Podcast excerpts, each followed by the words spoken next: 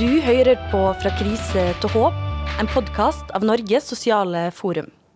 Velkommen til dagens episode. Den spiller vi inn under globaliseringskonferansen i samarbeid med Gnist marxistisk tidsskrift. Jeg heter Sigrid og er med i podkastredaksjonen. Og med meg for å gjøre dagens intervju har jeg Hanne Ander, samfunnsgeograf og redaksjonsmedlem i Gnist marxistisk tidsskrift. Eh, vi skal diskutere eh, krise, økologi og økonomi med eh, Ståle Holgersen, som er forfatter av den nye boka 'Krisernas tid økologi og økonomi under kapitalismen'. Det gleder vi oss veldig til. Ståle er førsteamanuensis ved Ørebro universitet. Han har tidligere skrevet boka 'Staden og kapitalen Malmö i krisernas tid', 'White Skin Black Fuel on the Dangers of Fossil Fascism', og sistnevnte med Andreas Malm og Setkin-kollektivet. Ja, så høsten 2019 så begynte eh, du Ståle å skrive på noe som skulle bli en kort og lettlest pamflett om klimakrisa og økologiske kriser. Nå sitter vi her med en 400 siders eh, stor bok. Så jeg bare lurte på, Hva var det som skjedde? Hvordan Ja, det, det gikk jo ikke veien, det der greiene der, altså, det må jeg si. Det, jo, eh, det skulle ikke gå sånt, for å si det sånn. Men jo, jeg hadde skrevet en bok om Malmö, om byutvikling i Malmö og i relasjon til økonomiske og økologiske kriser. Og så så jeg liksom at når 2019, og det var mye snakk om at så kom en ny økonomisk krise, og så klart klimakrisen var ikke, skulle jo ingen vei, den bare eskalerte. Så tenkte jeg kanskje skrive, dra ut, liksom, ta vekk byen Malmö da, og dra, dra ut liksom, og fremheve det bare økonomiske og økologiske aspektene ved krisene. Eh, og lage en kort liten bok, helt enkelt, om det. Eh, og da skjedde to ting. Eller skjedde én ting. Da kom jo, bare noen uker senere, da, eh, kom jo koronapandemien. Eh, som gjorde at en plutselig ble sitt, Delvis på personlig plan ble sittende veldig mye hjemme og lese og skrive. Det, jo ingen, det var jo ingen møter lenger, det var jo ingen liksom, tidsløseri. Det var bare til å nyte tida med lesing og skriving. Og for det andre så ga jo selvfølgelig pandemien sjøl òg, da, eh, ekstremt mye nye innhold liksom, til det her med økologi og økonomi. Eh, så da bare begynte jeg å, å grave meg lenger og lenger ned, og nå sitter vi endelig klar med produktet. Hvordan var det egentlig å skrive den, en krisebok i koronakrisetid? Måtte du si liksom stopp på et tidspunkt? Fordi alt var jo relevant som skjedde rundt det. Ja, men det var et reelt eh, Eller ja, det var et reelt problem. Og det er fremdeles et reelt problem, for jeg sitter med en engelsk oversettelse nå. Og når jeg skrev den her, da, så var jo alt var jo korona. sant? 2020, og så spesielt det året var. Og nå, sant, to år senere, hvem, hvem husker koronakrisen? Det er jo liksom som om det var 20 år siden. typ. Så problemet du sitter og skriver i en kris, er jo ikke vektlegge for mye den siste, liksom, den siste tingen som skjer, for den kan være veldig irrelevant på noen uker senere. Samtidig så må du selvfølgelig prøve å henge med og, og skrive om det også. Så nå er samme utfordringen på engelsk versjon, da, liksom med inflasjon, med krigen, med liksom energi, med alt mulig som skjer akkurat nå. Eh, så målet er vel å forsøke å skrive en bok som kan holde lenger enn eh, ja, bare noen måneder fram i tid, så å si. Og så var det ikke meninga å skremme noen når jeg sa at den var 400 sider lang. eh, For den, jeg, syns den er veldig lettlest til å være på svensk. Har det noe med at du egentlig er norsker? At det da blir lettere for meg å lese Aha. svensk? Ja. Jeg vet ikke. Kanskje. Men eh, i hvert fall ikke bli redd for å lese den boka. Sånn at den kommer på engelsk òg, vil jo kanskje gjøre at enda flere kommer til å lese den. Så ikke for å skremme noen. Men ja, krisebegrepet. Eh, hva betyr egentlig det i den boka her? For det er et begrep vi bruker om absolutt alt. Kan jeg legge inn en liten historie til? Ja. Karl Marx skrev jo grunnrisset under 1857-krisa. Og skrev i brev til Engels at han håper å bli klar med boka før liksom, krisen eksploderer. Og det tok jo hva var det, over 80 år da, eh, senere ble boka endelig publisert. Så den var jo eh, skikkelig mislykka. Så jeg hadde som mål å bli klar med boka før liksom, koronakrisen var slutt. Og det klarte jeg jo ikke helt da, men iallfall nesten. OK, nok om det. Så hvordan vil du definere krise i denne boka? Jo, altså jeg ser jo krise som eh, eh, Jeg forsøker å se krisen da som en del av kapitalismen. Og liksom, hva er spesielt med krise under kapitalismen, så å si? For krisebegrepet som sådan er jo så klart mye, mye eldre. Eh, om vi tar det raskt, så De gamle liksom, grekerne hadde liksom, de brukte begrepet ganske mye uh, i forbindelse med politikk og lov og medisin etc. Så forsvinner jo liksom krisebegrepet uh, fra historien i veldig, veldig stor grad. Under middel, middelalderen så er det veldig lite anvending av begrepet krise. Da brukes det mest i forbindelse med liksom medisin, som det momentet når det blir klart om pasienten skal overleve eller dø. Men så, med kapitalismens framvekst på 1600-tallet, så kommer begrepet tilbake. Eh, og det er jo noe Og det er ikke en tilfeldighet. Det er jo noe som skal liksom beskrives. Eh, og eh, Ja, det er lang historie, men så kom fra 1600-1700-tallet, men spesielt 1800-tallet, så eksploderer jo bruken av begrepet krise. Og Da skulle man kunne tenke seg at begrepet kanskje skulle forsvinne igjen når kapitalismen hadde etablert seg. Si at den var en turbulent tid med teknologiske og sosiale revolusjoner som gjorde at vi trenger et nytt begrep for å forklare kaos. Men at det nye systemet med kapitalisme hadde liksom satt seg, at en da eh, skulle eh, slutte å bruke begrepet krise igjen. Det har ikke skjedd. Tvert om.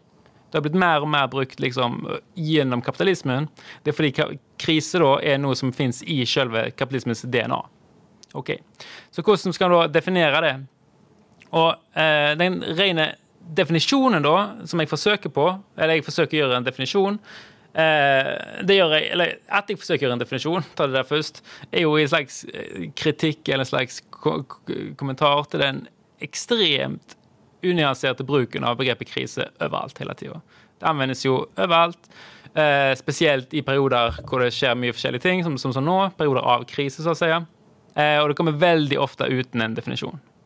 Og så finnes det folk som mener det progressivt ikke har en definisjon, for da kan det bety noe annet i morgen, og etc. Det der kjøper ikke jeg, men skal vi klare for å snakke sammen så godt vi kan, så må vi forsøke i hvert fall å, å definere litt. Så til definisjonen. Derfor forsøker jeg å følge, en definisjon. Eh, og en kris, jeg, bare da, en kris i min definisjon består av tre moment. For det første er det en hendelse som kommer relativt raskt. Den er alltid forankra i underliggende strukturer eller prosesser og den har negative konsekvenser for mennesker og eller miljø. Det er for meg en krise. Og det betyr, og uten den første, at det er en, en hendelse som kommer relativt fort, så kan vi f.eks. ha alle mulige permanente problem. Uten den andre, at det, i, det henger ihop med underliggende strukturer, så kan vi snakke om rene ulykker, f.eks. Og uten den tredje kan vi ha alt mulige hendelser som er relativt bra for folk. Eh, så det er liksom min definisjon på en slags kjerne. Så det er liksom vulkanutbrudd ut av bildet? Ja. Og også konstant uh, fattigdom og utnyttelse i det globale sør. Ja. Som er også ut, ikke krise. Mm. Ja, det blir veldig komplisert her, da, fordi eksakt hva som hører til en hendelse som er krise og ikke, er liksom uh, komplekst. Eh, vulkanutbrudd som regel ikke krise. Så finnes det teorier om at det kommer til å komme mer vulkanutbrudd pga. klimaforandringene.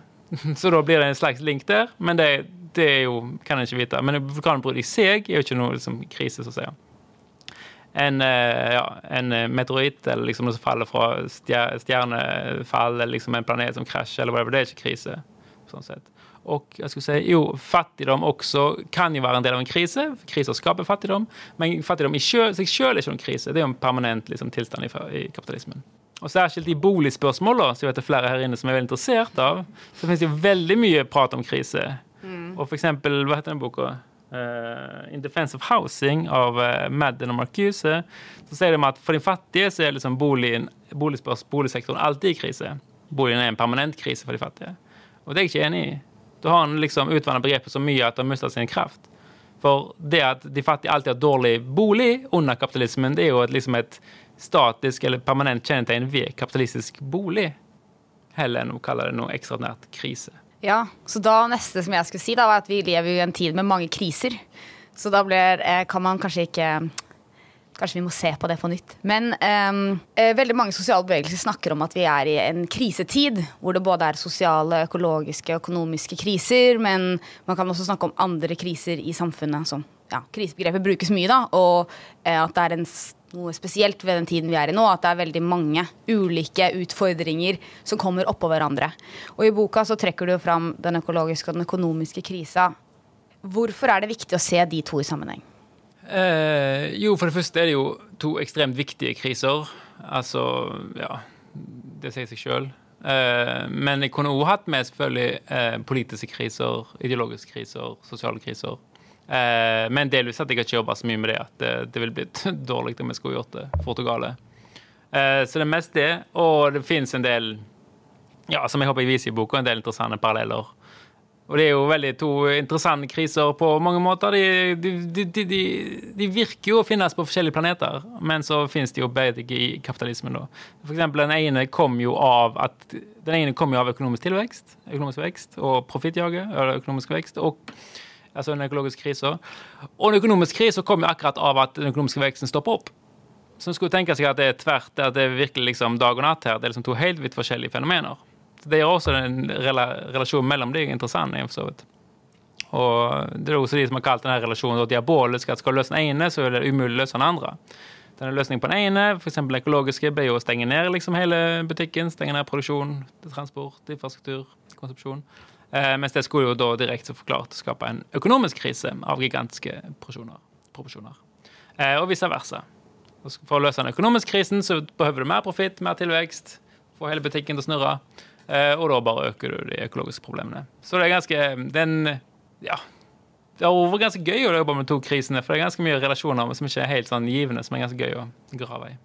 Ja, For å forklare krisene også hvordan de henger sammen med kapitalismen og hverandre, så har du laga en inndeling i de her fem abstraksjonsnivåene. Eh, det er et litt skummelt ord. Abstraksjonsnivå høres veldig sånn teoretisk og komplisert ut. Og det er det litt også, men det er også et slags verktøy som skal forenkle det. Sånn at det skal bli lettere å forstå krisene og hvordan de henger sammen. Så jeg lurer på om du kunne prøve å ta oss igjennom hva er de her fem abstraksjonsnivåene, og hvordan bruker du det i boka? Jo, altså det, det, følger jo av min definisjon av eh, krise at det, det, er både noe som skjer som en hendelse, og det er noe som skjer eh, pga. underliggende strukturer. Så med krisen så kommer vi ikke bort fra den vanskelige spenningen mellom liksom, hendelsen og strukturene. Du kommer ikke bort fra den der eh, vanskelige spenningen mellom liksom, det konkrete og det abstrakte. Det, liksom, eh, ja, det spektakulære og det hverdagslige. Alle her spenningene blir som nødvendigvis noe du må håndtere når du skal se på en krise. Og så eh, å tenke på abstraksjonsnivåer ja, Begrepet abstraksjon låter litt akademisk, eh, men det trenger det ikke være. Altså Det handler bare om å se liksom på forskjellige nivåer, så å si. Uh, og jeg har da lagd en liste på fem som jeg har prøvd å liksom bare systematisere eh, hvordan kriser kan fremstilles. Eh, det kunne vært sju, det kunne vært ni, eller det kunne vært tre. Det er så klart, det, det Abstraksjonsnivåene finnes jo ikke i virkeligheten som en empiriske fenomen du kan liksom måle eller se på, så å si, men de finnes der i virkeligheten som fenomen. Så det jeg har gjort, det er lagd inndelt på fem. da. Skal vi ta oss gjennom ja, la oss gjøre det. Skal vi ta oss gjennom lista? Mm. Så nivå én. Eh, abstraksjonsnivå én. Eh, det er da altså yten, eller liksom å, Unnskyld om jeg snakker sånn svorsk her. altså liksom Svenske ord som presser seg inn i nå og da, men jeg håper det er tilgitt. Så. Bare tenk at det er dialekt. Blir Det kjempebra. Ja. Den nye Haugesundsdialekten. Eh, abstraksjonsnivå én. Eh, altså hendelsen, eventen, yten, er liksom det du, det du ser på nivå én. Og det er jo det, det som, som krisen liksom eh, fremstilles i media, f.eks. Det er sånn som krisen fremstilles for oss som mennesker. Eh, og i økonomisk krise da, så får du ofte eh, Den navnet krisen får, henger ofte i hop med eh, liksom nivå 1. Det er snakk om om vi tar 1900-tallet og 2000-tallet 2000 eh, Børskrasjen 1929, eh, oljekrisen 1973, eh, finanskrisen 2008 eh, koronakrisen 2020. Det er en klassiske navn som man har eh, kanskje kjenner igjen om man har lest litt økonomisk historie. Eh, og det er liksom krisen som, som, uttrykk, som hendelse. Den kommer liksom i, i media og nyhetene. På økologiske kriser som hendelse eh, så er det liksom ja, sånn som krisen frem, kommer liksom som eh, skogbranner, som varmebølger, som tornadoer, eh, som flom, eller sånn liksom, sånn hendelser som kommer i nyhetene, som er liksom som, som, bringer den elementen av sjokk og overraskning og litt sånt forundring liksom inn, i, inn, i, inn i krisen. Eh, så disse her da henger jo ikke løs av lufta. Disse her må jo forankres i et politisk økonomisk system. For eksempel, i 1987 var det en, økonom, var det en eh, finanskrise. Det var en gigantisk børskrasj i 1987 som ingen kjenner til i dag. Eftersom det var ikke forankra i underliggende. Det var bare ei boble. Det var mye spekulasjon og uro knyttet til olja i Midtøsten. Og så eh, skjedde det ingenting. Den bare forsvant. Det var liksom ei boble som ikke den var liksom, Triggeren var der, smellen var der, men det var ikke forankra i en underliggende økonomi som måtte dårlig. Så derfor ble det ikke noen krise. Det ble bare et finansboble eh, som sprakk. Okay, men disse andre som jeg nevnte, 29, 73, 2008 og nå, de er forankra i en økonomi som går dårlig. I en, økonomi hvor, i en forankra i en politisk økonomi hvor liksom det finnes svakheter si, i økonomien. Og her det må jeg forankre i en da, og Hvordan kan definere denne her nivå to? da? Og Nivå to definerer jeg som den politiske, politiske økonomiske organiseringen av kapitalismen. Eller med økologisk krise, da, med naturen. Og som er økonomisk krise klarer å hoppe økonomi og økologi fra hverandre.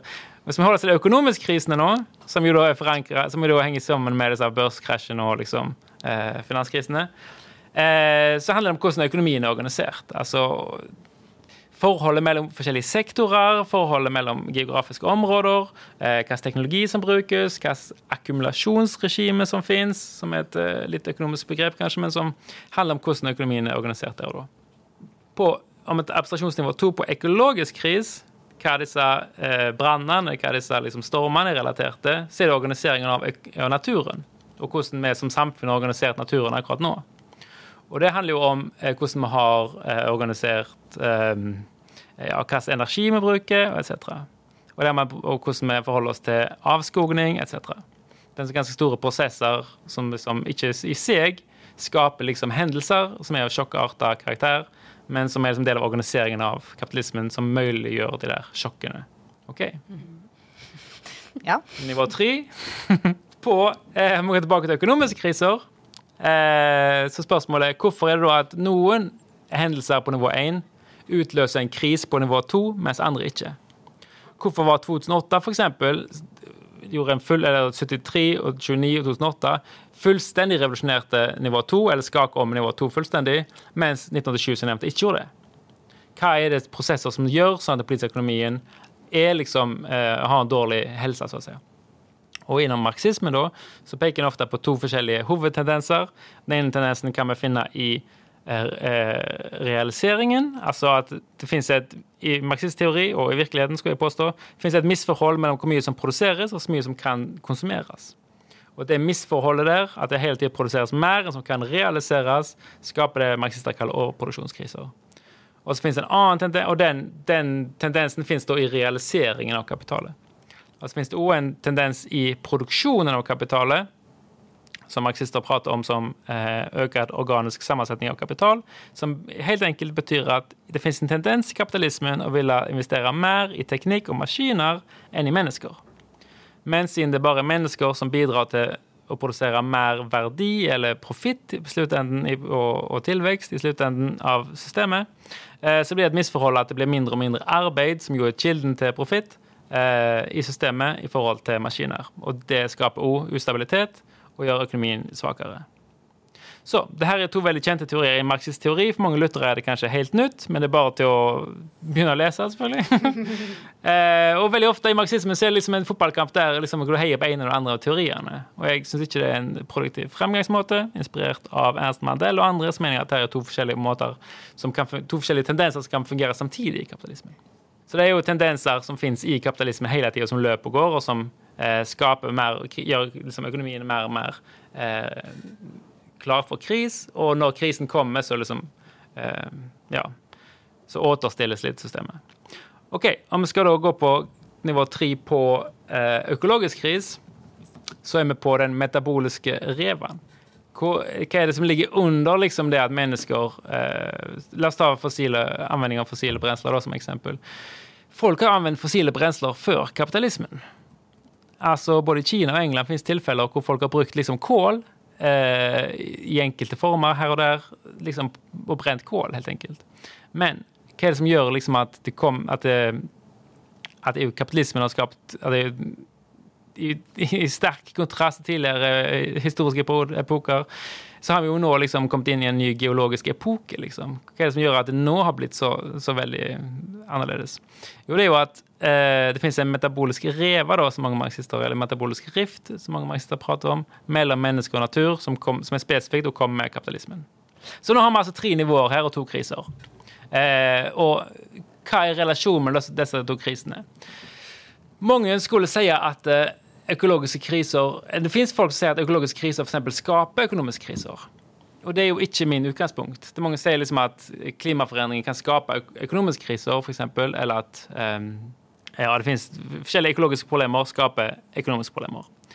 Og det, til det vi har snakket om så langt, her tre, tre nivåene, så er hovedag, mitt hovedargument at det finnes ingen riktig relasjon med de, ingen nødvendig relasjon med de så langt. Og jeg var ganske hard på det egentlig da jeg begynte å skrive denne boka, at det liksom finnes ingen relasjon så langt. Det er ikke her, dette er ikke spennende. Så langt kan vi snakke om relasjoner. Så kom jo koronakrisa, vet du, som jo akkurat var en økologisk krise som trigga en økonomisk krise. Men OK, så jeg skal ikke være for bombastisk, men eh, fremdeles vil jeg stå, holde på hovedargumentet. Så langt har vi ikke opp, eh, snakket om den mest interessante relasjonen mellom krisene. For det kom jo på nivå fire. Under det her nivået vi har snakket om så langt, så har de, står det på et felles fundament. Og på nivå fire har de et felles nivå. Det er eksakt samme prosessene som skaper overproduksjon og eh, økt organisk sammensetning på økonomisida, som skaper den melboliske riften på økologisida, og det er jo jaget etter profitt. At den profitten, eh, jaget etter profitt, som jo er den helt vanlige liksom, normalarbeidsdagen for et kapitalistisk system. Liksom det er det som skjer hver dag. Skaper både tilvekst og glede og jobb og ting folk liker, og disse krisene.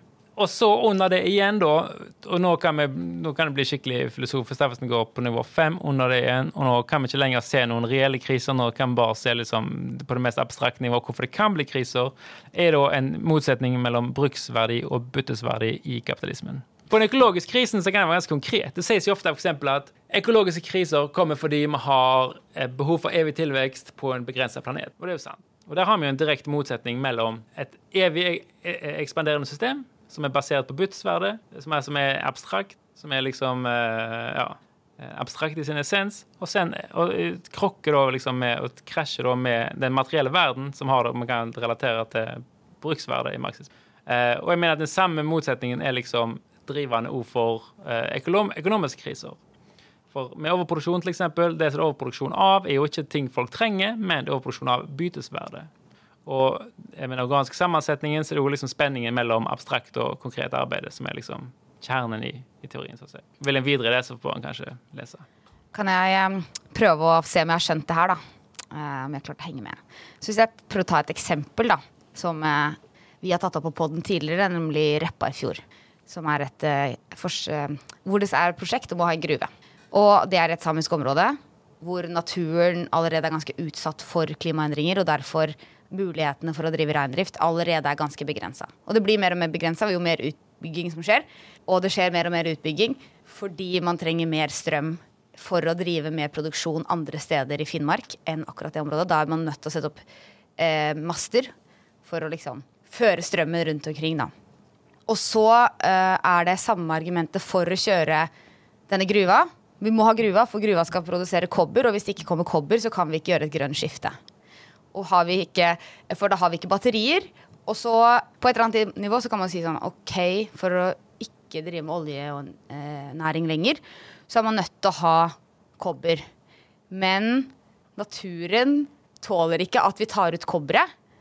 Og om vi hadde sagt sånn OK, noe kobber må vi ta ut, så selges det fortsatt på en marked som gjør at man fort kan produsere ting som ikke heller kommer til å løse klimakrisa, fordi det det er behov for i økonomien akkurat nå, ikke nødvendigvis i det hele tatt er batterier.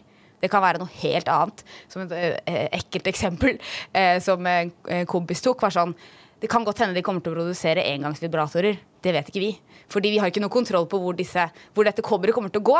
Så det å bruke grønn omstilling som et argument mot utbygging er ikke en, det er ikke en, nødvendigvis en Du løser ikke denne problemet ved å gjøre den ene tingen fordi økonomien har ingen egentlig interesse av å løse naturkrisa. Heller kanskje snarere tvert imot. Den driver eh, naturkrisa for å kunne opp, slippe å ha kriser i sin egen sfære. Da. Eller eventuelt skape kriser i sin egen. Veldig bra argument. Om jeg skal kaste det inn i abstraksjonsnivåene, da, så vil jeg påstå at eh, veldig ofte så handler jo krisepolitikk på om nivå én. Altså det er ren brannslukning, liksom. Eh, vi skal møte eh, havshøyninger med å bygge murer, og vi skal liksom møte eh, branner ved å bygge mer, liksom, eller utbygge for flere brannfolk. I beste case så handler det om nivå to, at man skal reprodusere kapitalismen litt for å omstille kapitalismen for liksom å kunne gå videre. Og her låter litt, Akkurat det her eksempelet med grønne skifte og metaller er jo litt sånn at man erkjenner liksom at man må begynne å røre litt på nivå to for at man igjen liksom skal kunne gå videre på noe sett. Så det er jo mellom nivå 1 og 2 her vi snakker da, mens under det så ligger den metaboliske riften ligger der liksom og bare ruller på. For det er jo ikke snakk om å forsøke liksom å løse klimakrisen gjennom å få en ny relasjon til naturen. Det handler bare om at vår relasjon til naturen skal bli liksom, om mulig enda mer absurd eller liksom For da kommer de Skal bli enda større. samiske aktivistene og sier sånn vi er faktisk veldig miljøvennlige i vår reindriftsproduksjon, men det blir umulig for oss å drive med denne eh, miljøvennlige og eh, organiske delen av å være menneske er en del av naturen Mm. og opprettholder økosystemene. Fordi dere tar alle områdene våre vekk fra oss gjennom et ønske om å drive med økonomisk omstilling til klima. Da. Mm. Kanskje det ble litt mer forståelig for folk. Det ble i hvert fall mer forståelig for meg ved å si det høyt. Så jeg håper at det kanskje var hjelp til noen også. Tror jeg er bra. Ja, det er bra. Ofte så hører vi jo at, eh, og det har vi også hørt de som har delt på globaliseringskonferansen, at krise er en eh, tid for muligheter. Hvor det finnes, hvor man kan ta potensialet i at ting er kaos, og så kan man komme med et godt forslag, eller man kan liksom ha sin ideologi liggende der, og så kan man ta den, og så kan man gjennomføre politikk, da. Og det var også noe som kom i starten av eh, pandemien, eh, med flere venstresidefolk som foreslo at eh, krisen hadde et stort potensial for en annen politikk. Og i hvert fall en liten stund der så var det liksom en sånn Ja, ja, ja, men dette er kanskje kjempebra. Vi kan, vi kan få et annet samfunn. Folk skjønner at staten kan gjøre store inngripen i folks liv, og det er mulig. Og um, det stiller du deg veldig kritisk til. ja, ja, det gjør jeg. Kan du forklare dine hovedargumenter? Uh, jo, begynner med siste først. Og, altså, pandemien, det var veldig mye sånn der Å, vi kan ikke gå tilbake til det normale. Uh, jo, det kunne vi veldig lett. Jo, det jeg syns eh, ideen om uh, krise som mulighet er Hvor skal jeg begynne? Den, den, for det første tar han liksom krisen ut av kapitalismen. på en måte da. Altså Krisen kommer jo med de samme klasserelasjonene som kapitalismen allerede har. Så det er ikke sånn at plutselig så blir det liksom åpnes alle mulighetene for arbeiderklassen så fort det kommer i krise. Og jeg mener i stor grad da kanskje tvert om. Det her sitatet 'kris er fare' Det fins jo Hva var det? John F. Kennedy sa i 1957 at det fins et kinesisk ordtak som heter eh, at kris finnes, ja, Han sa vel at kris på kinesisk har to tegn. Det ene betyr fare, og det ene betyr mulighet. Sånn var det. Eh, og det har jo vist seg å være lingvistisk feil, da. Men det er jo en annen historie. At andre tegnet betyr ikke mulighet, men mer et vendepunkt. Men OK, folk siterer iallfall John F. Kennedy likevel. Ja, Det samme hører de ofte om klimatkrise, og at det liksom eh, Det er en mulighet, men det er òg med fare. Men vi er liksom i samme båt, og vi skal klare dette sammen. Men jeg syns det her glemmer klassekarakteren til krisen. Hvis du ser på eh, det finnes, Jeg kan både ta empiriske, historiske eksempler, så klart. Eh, Kim har Jonas av kriser. Og du kan ta mer teoretiske argumenter hvorfor Jonas den herskende klassen av krisene. Eh, empirisk så er det ganske klokkrent, egentlig. De som, de som betaler prisene hver gang de fattigste. Altså det er liksom, eh, vi kan jo håpe at neste krig skal være annerledes, absolutt, og vi kan kjempe for det, men det historiske liksom, tendensen er ganske klar. Eh, mange rike taper mye for, store formuer, enkelte rike taper mye formuer. Men de som taper eksistensielt med sine liv, og med at de ikke kan betale liksom boligregningen eller liksom eh, strømregningen eller julepresanger til sine barn. Liksom, de som, skal, de som liksom drabbes på et annet nivå enn at de bare sitter igjen med liksom noen hus og, og noen båter. Det er jo arbeiderklassen og de fattige ved hver eneste krise. Eh, og de som potensielt vinner ved kriser, det er jo da de som har kapital og kan gjøre investeringer. Så den, den, den klassekarakteren der er ganske tydelig. og jo, så klart. Kris er absolutt en mulighet, men da for de mektige. For de som har muligheter til å bruke kriser liksom, som de kan. Ja, for du sier jo at krisa ikke bare er en del av kapitalismen, men òg bidrar til at den overlever. Det er jo litt fordi det blir en mulighet for kapitalismen Ja, at en krise er det. Men eh, hva mener du med det? Hvordan er klimakrisa en mulighet for kapitalismen, f.eks.? Jo, altså Klimakrisen er jo tusenvis av muligheter for kapitalismen. Først kan de jo skape klimakrisen, tjene masse penger på det. Så kan de late som de forsøker å gjøre noe, tjene masse penger på det. Og eventuelt om de jo gjør noe med alle mulige mineraler og whatever, så kan de tjene penger på det. Og når da, ja, i hele transformasjonsprosessen her, så liksom uh, Uansett om den løser eller ikke, så finnes det masse muligheter for kapitalet. Og det er helt enkelt bare å se at kapitalismen er ekstremt fleksibel. Jeg tror det er viktig å ha med seg at lett å se liksom en tendens har vært de siste fem åra, eller noe, til å peke på tendenser her eller der. Men utgangspunktet for forståelse av kapitalismen er at kapitalismen er fleksibel. Eh, og at kapitalklassen alltid klarer liksom å De har ingen liksom forpliktelser eller sånt. De kan alltid liksom tilpasse seg. De kan være grønne, eller de kan være veldig veldig lite grønne hvis de, de tjener penger på det. For der tenkte jeg, Du skriver om at, at venstresida ofte kan havne i sånn pragmatiske feller under en krise.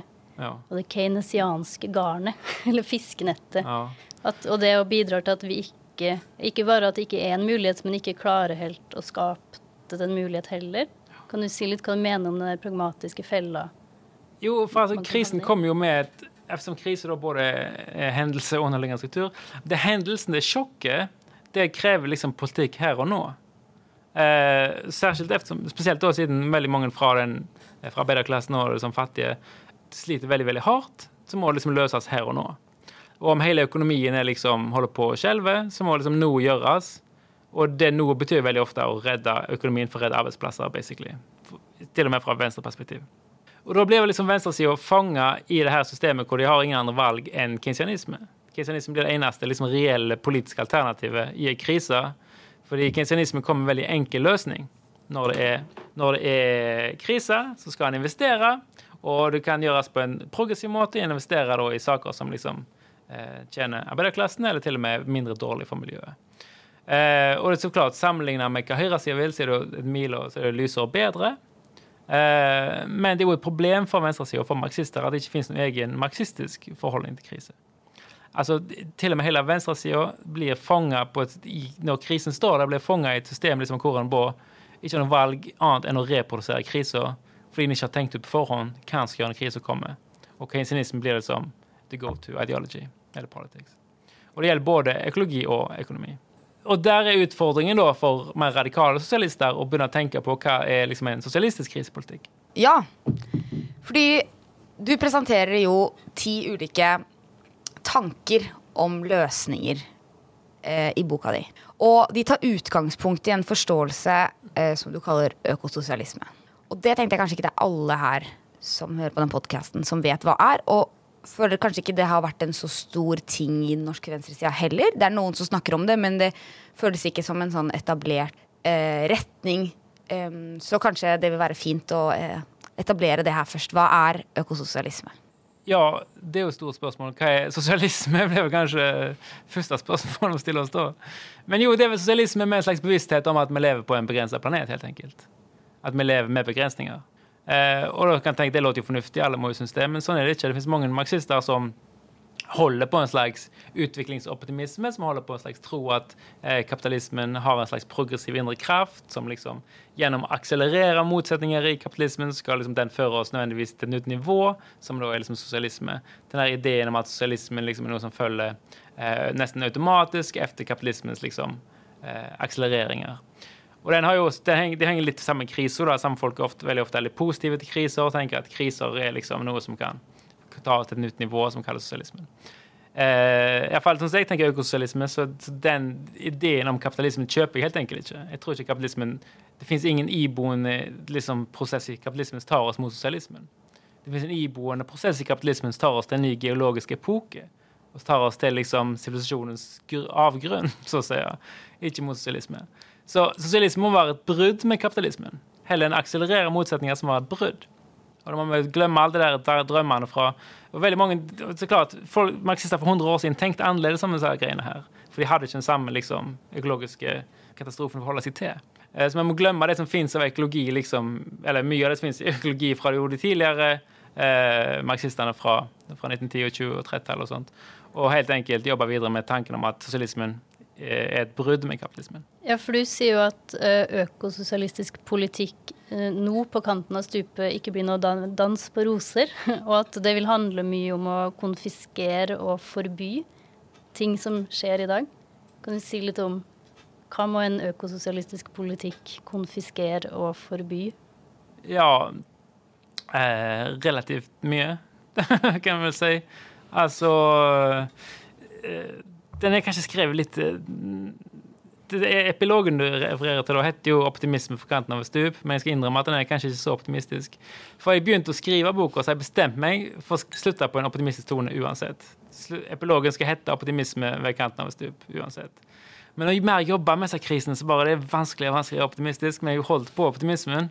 Eh, eftersom det, mennesker har jo vist en ekstrem for, formåga, en ekstrem liksom, kraft ekstrem eh, evne til å, å, produsere de fantastiske ting. Ok, Men det, på kort sikt, hva som må gjør, gjøres da, er jo å eh, Sånn på lang sikt kan vi tenke oss de finere tankene med en ny relasjon til eh, produksjonen, ny relasjon til liksom, naturen, ny relasjon til hverandre etc. På kort sikt så handler det om ganske mye mer konkrete saker enn så, så klart. Og da handler det om nasjonaliseringer, eh, eksproprieringer og forbysaker. Og det høres veldig negativt ut, men det er basically det det handler om. Og så forstatlige Så klart, Hadde jeg sittet i Syria, så hadde jeg ikke sagt at forstatlige av alt mulig er det beste. Liksom, men når du jobber i Nord-Europa, i hvert fall, så er det liksom forstatlige av elektrisitetsnettet etc. absolutt liksom forutsetning for å kunne gjøre noe med klimakatastrofen. Jeg syns ikke det var så mørkt som du framstilte nå. Ja, du sier jo at økososialismen har sett helse og liv i sentrum. Eller det er jo et helt annet type samfunn jo, jo enn man har i dag. Var, men for å greie å komme dit, må vi konfiskere mye, da. Og særlig sett fra Norge med den her oljevirkeligheten vi lever i, så er jo det noe vi jobber for, vi som sitter her. Prøve å konfiskere og forby den oljekapitalen vi lever på i dag. Ja. Så er jo konfiskering og nasjonalisering så klart ikke nok, som o Norge er et godt eksempel på. Da, at uh, selv om politikere har veldig mye makt, så kan de gjøre veldig veldig eh, reaksjonære valg. Ja. Du trekker fram et uh, begrep som er ikke-reformistiske reformer. Kan du forklare det? Det begrepet kommer fra André Gors på sent 60-tall. En ganske ja, kreativ marxist, får man si. Og det hans tanke var at det finnes to forskjellige reformer. Det finnes reformistiske reformer og ikke-reformistiske reformer. Eh, og De første er reformer som legitimerer og forsterker systemet, mens de andre er reformer som potensielt da utmaner eller som eh, ja, utfordrer. utfordrer tusen takk, systemet. Og Det er veldig vanskelig å vite eksakt hva som er hva før du har gjort reformen, men det er, liksom, det er mulig å tenke på det allerede nå. En interessant ting i forhold til krise da, er at André Gors vil jo liksom dyrke ikke-reformistisk reform for å skape en krise. For han skrev på slutten av 60-tallet. Det var jo liksom på slutten av den såkalte eh, gylne liksom, eh, tiårene etter andre verdenskrig, og det ikke har vært så mye kriser. Så han ville ha en krise liksom, da, for å for, for kapitalismen skulle falle. I dag trenger vi virkelig ikke trigge noen kriser. Tvert, tvert imot. Det er jo altfor mye kriser, og liksom, vi skulle gjerne hatt veldig mye færre. Eh, men tanken er den samme, at vi trenger liksom å artikulere reformer eh, som utmaner systemet. Har du noen eksempel på en eh, reform som eh, utfordrer systemet? Og er eh, ikke reformistisk? Eh, korte svaret er dessverre. Men et interessant eksempel jeg kan eh, bable på, er jo eh, det politiske kravet om, eller politiske målet om 1,5 grader. Og bare, vet du det, global oppvarming maks 1,5 grader fra førindustriell tid. Om en sier vi skal maks 1,5 grader global oppvarming, og en kommer til 1,4 f.eks., om å ta et valg, skal vi klare 1,5 uansett? Eller skal vi ikke det? Og uansett betyr å forandre politisk økonomisk systemet. Hvis det kommer en ny generasjon mennesker og sier liksom vi skal klare 1,5 uansett, og uansett betyr liksom en politisk, økonomisk, sosial revolusjon, så er det liksom noe så åpenbart som bare 1,5-gradersmålet blir en ikke-reformistisk reform. For du kan jo tenke deg selvfølgelig at 1,5 grader kan jo nås potensielt innom kapitalismens rammer. Teoretisk, hypotetisk. Ja. Men i praktisk så tror jeg det ville virkelig blitt en ikke-reformistisk reform. Ja. Alternativet i dag er jo at den ikke følges, da. Ja. At man driter i det. Det er jo klart. Et, det er ikke et begrep som jeg har hørt så mye brukt i norske politiske sammenhenger, men som jeg syns er ekstremt er litt som en tankeøvelse. da, sånn OK, hva vil vi ha? Mm, vi vil ha um, slutt på oljeproduksjonen. OK, og kan vi gjøre det? Hvordan kan vi gjøre det? Og prøve å se for seg hvordan man kan gjøre det på en måte som er med på å utfordre det nåværende systemet istedenfor å bare få slutt på oljeproduksjonen. Men mm. å gjøre det på en måte som vil gi en ny type industri i Norge som er basert på just transition istedenfor bare transition, mm. f.eks. Så eh, jeg syns det er en sånn um, en veldig god måte å tenke politisk forandring på, da. Så jeg er glad du tar det opp. Jeg tenker å øke sosialisme hvis vi skal finne ut hva det betyr for oss, da. Så det, du, du tar det opp uh, litt det her med internasjonal solidaritet.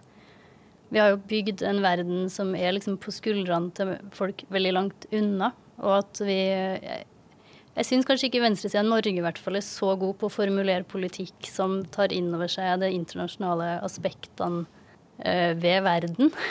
og du skriver at en ny økososialisme må liksom vrenge den kapitalistiske geografien. Og synes jeg det var et sånn fint bilde. Samtidig var sånn Oi, hvordan bilde er det egentlig? på en måte. Hvordan bilde er det? Jo, først, altså Det kan godt være at norske venstre Jeg tror du har helt rett i norske venstre er veldig dårlig på internasjonalt perspektiv, og det er dessverre den svenske òg, kan jeg vel legge til. da. Eh, jo, tanken her er jo at eh, kapitalismen har blitt global. Det er blitt en global kapitalisme, mens det politiske svaret er veldig ofte nasjonalt. Og rasistisk og nasjonalistisk. Eh, det vi trenger, er jo Altså, vi har en faktisk eksisterende politisk økonomi som er global, og en ideologi som er nasjonal. Mens det vi mener med å vrenge, da, er at man trenger tvert om. Man trenger at økonomien skal være mer lokal, men at solidariteten og ideologien skal være mer global. Det er sånn jeg tenker å vrenge den kapitalistiske geografien. Men hvis vi skal avslutte med litt uh, nåtid, og forsøke å bruke ditt uh, krisetidsrammeverk da, på den nåværende uh, krisa med inflasjon, ener energikrise, oljeekspansjon, sterk militarisering. Er dette her en krise som er basert på at økonomien ikke fungerer? at det er problemer i økonomien, eller er det her en krise som er basert på noe annet? Kan du forsøke å liksom, gi oss en slags definisjon av den krisa vi er i nå? Ja, altså for det første, da, det her er jo utrolig komplekst, selvfølgelig. Og det er veldig vanskelig å vite. Sånn, som Ta krigen i Ukraina, for eksempel. Da. Altså, den skjer jo de facto i en situasjon hvor økonomien går dårlig, og nyliberalismen står for fall, og vi har ingen alternativ. Uh, så det skjer jo de facto i liksom, nyliberalismens hegemoniske krise. Men betyr det at den er liksom direkte determinert av det? Kanskje ikke. Hvordan det ha skjedd ennå? Kanskje. Vanskelig å vite. Så det er liksom eh, Det er vanskelig liksom å vite eksakt eh, hva som er krise og ikke sånn ikke krise i sånne situasjoner. Men ta økonomien, da. Ta, den, det som har skjedd generelt siden 2008, er jo at nyliberalismen har gått i mitt syn da, gått på en gigantisk kris. Og hvis vi forholder oss til abstraksjonsnivåene, som har forsøkt desperat fra politisk hold i ti eller tolv år å holde systemet ved like gjennom å fikse nivå 1. Nekte å forholde seg til at vi trenger forandringer på nivå 2. Altså med andre ord, Vi nekter å forholde seg til å forandre nyliberalismen, nekter å forholde seg, forholde seg til å forandre liksom, sett den politiske økonomien er organisert på. Man forsøker på desperat med brannslukking på nivå 1. Det var hele liksom, det politiske prosjektet de siste tolv åra, er min lesning. Eh, og det har kommet til ei grense. Og det har, det har blitt gjort da, gjennom billigere penger og mer gjeld, basically. Eh, men det kommer til ei grense. Og den grensa tror jeg interessant nok har Mange av oss har trodd den var for lenge siden, men den virker liksom eh, alltid å være nær oss på et eller annet vis. Og interessant nå når England fikk ny regjering som gikk inn for skattelettelser, som går i den klassiske liksom, nyliberale, nyliberale liksom, politikken mot en krise. Eh, eller en klassisk ting for å forsøke å redde økonomien. Og finanssektoren stikker fra landet. Og det tyder på at liksom, nå er den nyliberale krisa skikkelig djup. Altså, det er jo åpenbart at inflasjonen at en økende inflasjon ikke har bra av skattesenkninger. Og det skjønner til og med liksom, den herskende klassen, så å si, nå. Og det er tegn bare på at nyliberalistiske kriser er liksom veldig veldig dyp og veldig, ja, på et punkt hvor den må løses. Ja. Om man vil høre mer om det, så kan man høre på um, podkastens intervju med James Midway, som snakker mer om inflasjon og hvordan uh, det ikke er løsningen. Det har vært utrolig artig å prate om uh, krise, økologi og økonomi. Jeg har lært veldig masse. Skal begynne å abstrahere ting i ulike nivåer. Og eh, generelt bare prøve å forstå kriser som skjer på en litt mer spesifikk måte. Og kanskje prøve å se på de politiske kampene vi holder på med i relasjon til hva som skjer andre steder i verden. Og alltid forsøke med litt mer internasjonal solidaritet. Det føler jeg det, det det slår aldri feil. Anbefaler alle å lese boka di. Den kan man kjøpe hvis man bor i Oslo, på Anaris. På nett, helt garantert.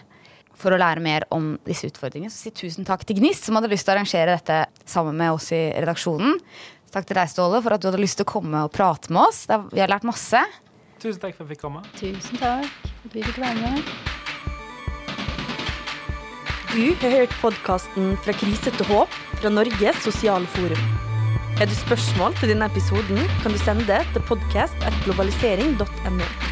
Flere episoder hører du der du hører podkast.